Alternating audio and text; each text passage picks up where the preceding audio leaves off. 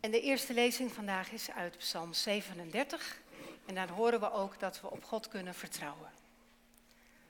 Psalm 37, een psalm van David. Erger je niet aan slechte mensen. Wees niet jaloers op wie kwaad doen. Zij verdorren snel als gras. Zij verwelken als het jonge groen. Vertrouw op de Heer en doe het goede. Bewoon het land en leef er veilig. Zoek je geluk bij de Heer. Hij zal geven wat je hart verlangt. Leg je leven in de handen van de Heer. Vertrouw op Hem. Hij zal dit voor je doen. Het recht zal dagen als het morgenlicht, de gerechtigheid stralen als de middagzon. Blijf kalm en wacht op de Heer. Erger je niet aan wie slaagt in het leven, aan wie met listen te werk gaat. Wind je niet op, laat je woede varen. Erger je niet, dat brengt maar onheil. Slechte mensen worden verdelgd. Wie hopen op de Heer, zullen het land bezitten. Nog even, en verdwenen is de zondaar. Je kijkt waar hij is, maar vindt hem niet. Wie nederig zijn, zullen het land bezitten en gelukkig leven in overvloed en vrede. Uit 1 Petrus 5, het gezag in de gemeente. Ik doe een beroep op de oudste onder u. Als uw mede-oudste en als ooggetuige van Christus lijden, en omdat ik evenals u zal delen in de luister die binnenkort zal worden geopenbaard, vraag ik u, hoed Gods kudde, waarvoor u de verantwoordelijkheid hebt. Houd goed toezicht, niet gedwongen, maar vrijwillig, zoals God dat wil. En niet om er zelf beter van te worden, maar met belangeloze toewijding. Stel u niet heerszuchtig op tegenover de kudde die aan u is toevertrouwd, maar geef het goede voorbeeld. Dan zult u, wanneer de hoogste herder verschijnt, de krans van de luister ontvangen, die nooit verwelkt. En u, jongeren, moet van uw kant het gezag van de oudste erkennen. Overigens, in de omgang met elkaar moet ieder van u altijd de minste willen zijn. Want God keert zich tegen hoogmoedigen, maar aan nederigen schenkt hij zijn genade. Onderwerp u dus nederig aan Gods hoge gezag. Dan zal hij u op de bestemde tijd een eervolle plaats geven. U mag uw zorgen op hem afwentelen, want u ligt hem na aan het hart. Wees waakzaam, wees op uw hoede want uw vijand, de duivel, zwerft rond als een brullende leeuw op weg naar een prooi. Stel u tegen hem te weer, gesterkt door uw geloof, in het besef dat uw broeders en zusters, waar ook ter wereld, onder hetzelfde leed gebukt gaan. Maar al moet u nog korte tijd lijden, God, de bron van alle genade, heeft u geroepen om in Christus Jezus deel te krijgen aan zijn eeuwige luister. God zal u sterk en krachtig maken, zodat u staande zult blijven en niet meer zult wankelen. Hem komt de macht toe voor eeuwig. Amen. Gemeente van onze Heer Jezus Christus. Een vriendin van mij vond een tijdje geleden een stapeltje brieven die ging ze lezen en dat waren de verlovingsbrieven van haar ouders. Uit de tijd van hun verloving. Het was voor mijn vriendin heel bijzonder om ze te lezen, want haar ouders waren er inmiddels niet meer. Maar ze herkende heel veel van haar ouders in die brieven. Want ze had haar ouders natuurlijk goed gekend. Ze herkende heel veel van haar moeder in die brieven, heel veel van haar vader. Dat bracht het allemaal veel dichterbij dan het anders gedaan zou hebben. En zoiets heb ik ook met die brief van Petrus. Als ik de brief van Petrus lees, dan komt het toch dichterbij als dat het een brief van iemand anders zou zijn. En ik weet niet hoe, jullie dat ervaren, maar ik heb altijd het gevoel dat ik Petrus misschien wel persoonlijk ken of gekend heb. En we hebben zoveel altijd gehoord over Petrus. We hebben zoveel over hem gelezen in de Bijbel. En ik mag dan, als ik een preek voorbereid, mag ik het eerst, ga ik het eerst kijken in de oorspronkelijke tekst. Het is in het Grieks geschreven door Petrus zelf. Dus zijn eigen brief, zijn eigen tekst, ga ik dan voor mezelf vertalen in het Nederlands. En we hebben gezien, dat kun je op verschillende manieren vertalen. En dan kom je heel dichtbij. Voor mijn gevoel kom ik dan heel dicht bij Petrus. Zit ik even in zijn hoofd, want dat zijn de woorden in het Grieks die ik dan lees, die hij geschreven heeft. En met de vertalingen zitten wij allemaal even heel, helemaal in het hoofd van Petrus. Petrus, die we goed kennen. En er staan dingen in die brief, waar, omdat wij Petrus kennen, komt dat veel meer binnen. Tenminste, dat, dat heb ik zelf. Als Petrus bijvoorbeeld zegt, wees waakzaam. Waar moeten we dan aan denken? Uit het leven van Petrus was een moment in zijn leven dat hij zelf helemaal niet waakzaam was. Weet u waar ik aan moet denken? Welk moment? Dat Petrus. Wat zegt u? Ja. Dat Petrus steeds in, in slaap viel. Aan welk moment uh, denk ik dan? Gethsemane hoor ik, ja.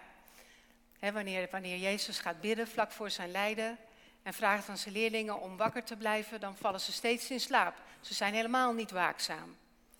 En dezelfde Petrus die dat heeft meegemaakt, die zegt hier, wees waakzaam. Petrus zegt ook dat, dat we krachtig moeten zijn, dat we niet moeten wankelen. We weten dat Petrus zelf helemaal onderuit is gegaan, totaal gewankeld. Aan welk moment uit het leven van Petrus denk ik dan?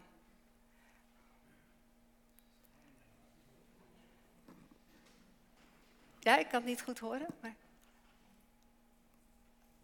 De verlogening. Ja, dan denk ik aan hè, dat moment dat, dat Jezus werd gemarteld. En toen was er iemand die aan Petrus vroeg van, van kent u die man? En tot drie keer toe zei hij nee, ik ken hem niet. Toen heeft Petrus helemaal gewankeld in zijn geloof. Hij was totaal niet sterk. En dan zegt Petrus ook nog in deze brief dat we de kudde van God moeten hoeden. Nou, dat is een opdracht die hij zelf van Jezus heeft gekregen. En na de opstanding van Jezus, kunt u zich dat verhaal nog herinneren? Dat ze dan aan, de, zijn de leerlingen weer gaan vissen en dan zitten ze aan een strandje en daar is Jezus. Die zit daar bij een vuurtje. En tot drie keer toe omdat Petrus hem drie keer verlogend heeft, vraagt hij ook tot drie keer toe: Heb je mij lief? Zegt Petrus elke keer: Ja, Heer, ik heb u lief, ik hou van u. En dan zegt, dan zegt Jezus: Weet iemand nog? Weet iemand wat Jezus dan zegt tegen Petrus?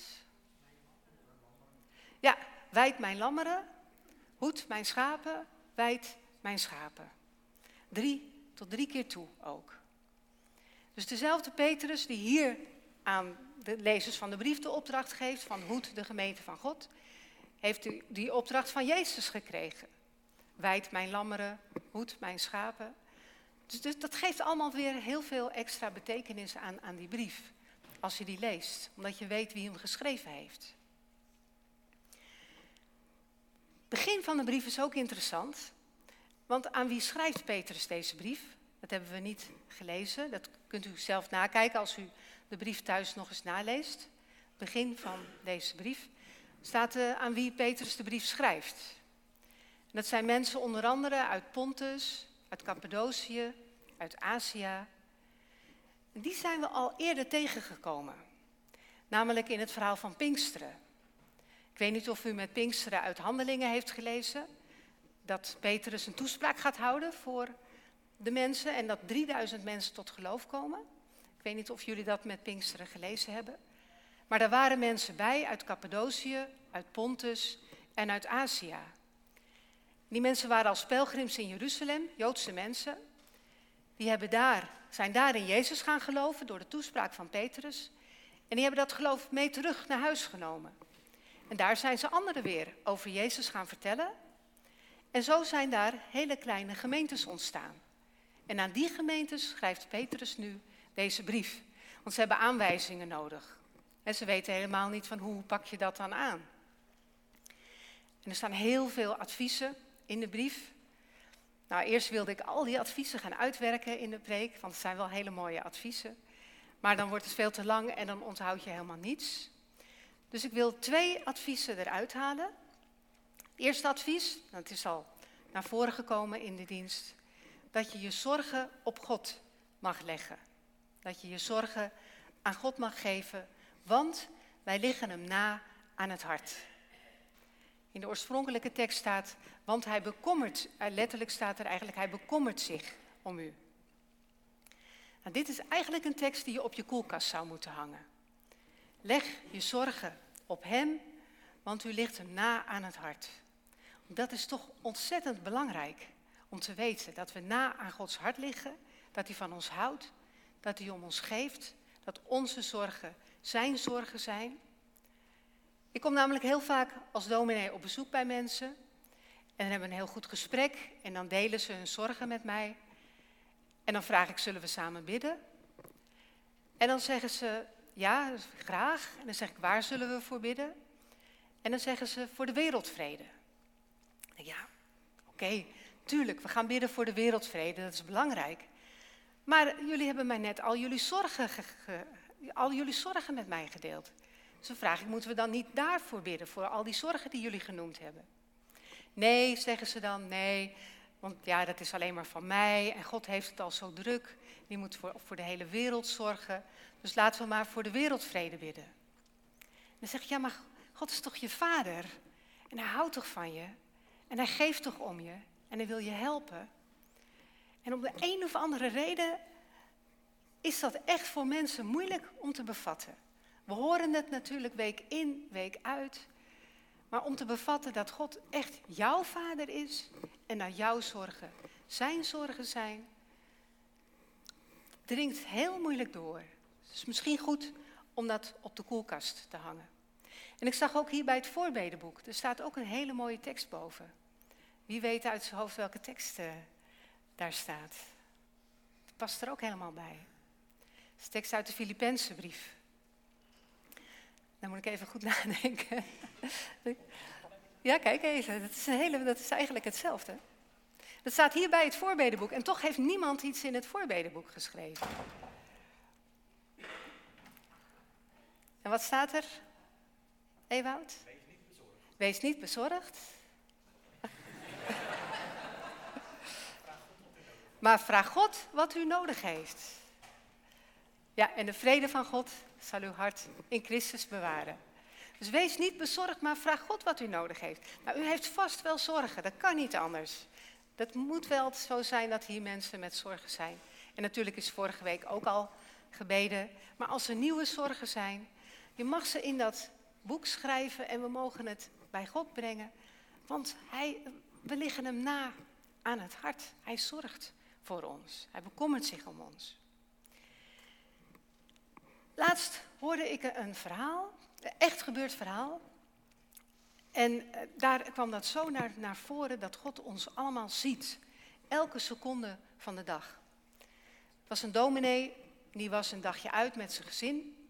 En hij ging naar de benzinepomp, even wat, wat te drinken kopen. En daar stond een telefooncel. Wie weet dat nog, dat er telefooncels waren vroeger. We worden oud, hè? Ja, maar daar stond een telefooncel en die telefoon begon ineens te rinkelen terwijl hij er langs liep. Zij dacht, dat is gek, want er is hier helemaal niemand om die telefoon op te nemen. Ze dacht, nou, dan neem ik die telefoon wel op. En dan nam die telefoon op. Toen zei iemand aan de andere kant van de lijn zijn naam. Die zei, spreek ik met dominee, zus en zo. Hij zei, uh, ja. En hij dacht, nou, dit is een grap, hè. Er staat iemand met een verborgen camera. Zij keek weer even heel goed. Niemand. En toen kwam er een hartverscheurend verhaal. Een vrouw aan de andere kant van de lijn die zei van ik ben zo blij dat ik u spreek. Ik heb het heel erg zwaar. Ik wilde een, vandaag een einde aan mijn leven maken. En ik heb tegen God gezegd, ik zou zo graag die ene dominee, ik ken u verder niet, maar ik heb u ooit eens horen spreken. Ik zou die ene dominee zo graag willen spreken. En toen kreeg ik een, toen kreeg ik een getal in mijn hoofd nummers. Echt gebeurd, hè, dit. Ze zei, ik heb die nummers opgeschreven en het leek wel een telefoonnummer. Dus ik heb het gedraaid. Nou, en het was uw telefoonnummer, want u neemt op. En hij zei: Nee, dit is mijn telefoonnummer niet. Dit is een telefooncel waar ik toevallig langs loop vandaag. Dus God gaf niet alleen dat nummer, hij wist waar die dominee op dat moment was. Hij wist wat die vrouw nodig had. Zozeer bekommert God zich om ons. En ook om ons allemaal. Hij weet met welke zorgen wij hier zitten. Hij weet wat we nodig hebben. En dat is het eerste advies wat Petrus geeft. Geef je zorgen aan God. Tweede advies, ja, dat, dat klinkt wat minder prettig. Hij zegt, wees waakzaam, want de duivel gaat rond als een brullende leeuw. En hij zoekt wie die kan verslinden. Nou, we hebben het liever niet zo vaak over de duivel in de kerk, toch? We hebben zoiets van, nou, als we het niet over hem hebben, dan geven we hem ook geen eer. Er zijn ook heel veel mensen tegenwoordig die zeggen, nou, dat is iets van de middeleeuwen. Daar geloven we toch niet meer in als moderne mensen van de 21ste eeuw. Ja, persoonlijk, ik geloof wat er in de Bijbel staat, dus ik geloof ook heel zeker dat er een duivel is. En dat die duivel het op ons gemunt heeft, juist omdat wij Gods kinderen zijn. En Petrus zegt niet voor niets dat we waakzaam moeten zijn. En waar moet je dan op letten? Nou, de duivel kan ons op allerlei manieren aanvallen. Een van de manieren die hij heel vaak gebruikt is onze gedachtes. Dan geeft hij ons heel negatieve gedachtes. Dan zegt hij bijvoorbeeld wat jou nou overkomt, dat is omdat God niet van je houdt. Of hij zegt, niemand houdt van jou. Of hij zegt, we hebben vandaag avondmaal, van nou je moet maar niet meedoen met het avondmaal, want zoveel mis met jou, dat is niet voor jou. En allerlei van dat soort gedachten kun je krijgen en die zijn echt niet van God, die zijn van de duivel. Het is belangrijk om dat wel te beseffen. Niet alles wat in je hoofd voorbij komt is van jezelf of is van de Heilige Geest. Je kan ook hele negatieve gedachten krijgen van de duivel. En dan mag je altijd weten, wat de duivel zegt, is altijd een leugen. De duivel is een leugenaar. Zo kun je het omdraaien. Als je gedachten krijgt als van God houdt niet van mij, kun je meteen hardop zeggen, God houdt van mij. En als de duivel zegt van wat jou nou overkomt, dat, dat is van God, deze nare dingen, kun je zeggen, nee, dit is niet van God, dit is van jou, duivel. God wil me helpen. op die manier kun je waakzaam zijn en je verzetten tegen de duivel. Ja, en hoe weet je nou welke gedachten van jezelf zijn en welke van de duivel en welke van de Heilige Geest? Nou, dat is best moeilijk. Je moet een beetje trainen ook van dat je erop let van wat, wat, wat gaat er nou allemaal door mijn hoofd eigenlijk.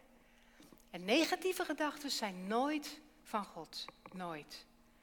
God is liefde en God is een en al goedheid en een en al licht. Dus dat mag je altijd weten. Dat negatieve gedachten niet van God zijn.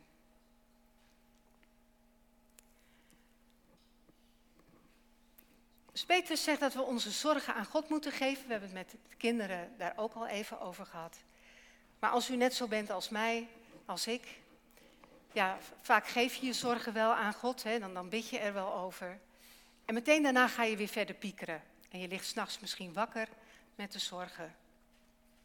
Hoe, hoe doe je dat nou? Hoe laat je je zorgen bij God? Dat is heel moeilijk. Wat, ik zelf dan doe, ik geef eerst, hè, ik, ik, ik geef het aan God, ik bid erover. Ik vraag God om mij te helpen. En als ik dan toch weer begin te piekeren, dan ga ik aan leuke dingen denken. Dan ga ik piekeren over leuke dingen. Meestal denk ik aan lekker eten. Denk ik, wat gaan we vandaag eten en wat ga ik allemaal klaarmaken of wat gaat mijn man klaarmaken.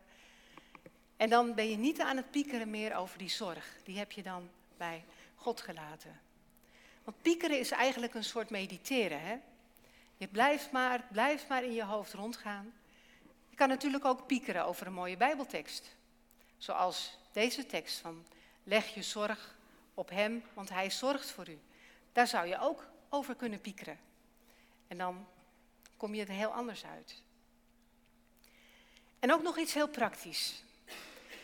Ehm, je zorgen op God, op God leggen, je zorgen op God werpen, staat ook in de Bijbel. Dat kun je ook heel aanschouwelijk maken. En niet iedereen houdt daarvan, dus alleen voor de mensen die dat prettig vinden. Maar dan wil ik vragen of u uw handen zo wil houden. En wil bedenken dat uw grootste zorg, of een van uw zorgen, dat u die in uw handen heeft. En dan zeg ik, leg uw zorgen op God, of werp uw zorgen op God. En doen we allemaal zo. En dan proberen we die zorg ook bij God te laten. Dus voor wie, wie zich daar prettig bij voelt, hè? als je daar ongemakkelijk bij voelt, dan hoeft dat niet. Maar als je daar prettig bij voelt, want dat helpt wel, dan ben je heel bewust je zorg bij God aan het brengen. Dus voor wie zich daar prettig bij voelt, als u dan uw hand zo wil doen en wil bedenken dat daar uw zorg ligt, dan zeg ik het nu en dan werp uw zorg op God. Want Hij bekommert zich om u. U ligt hem na aan het hart. Amen.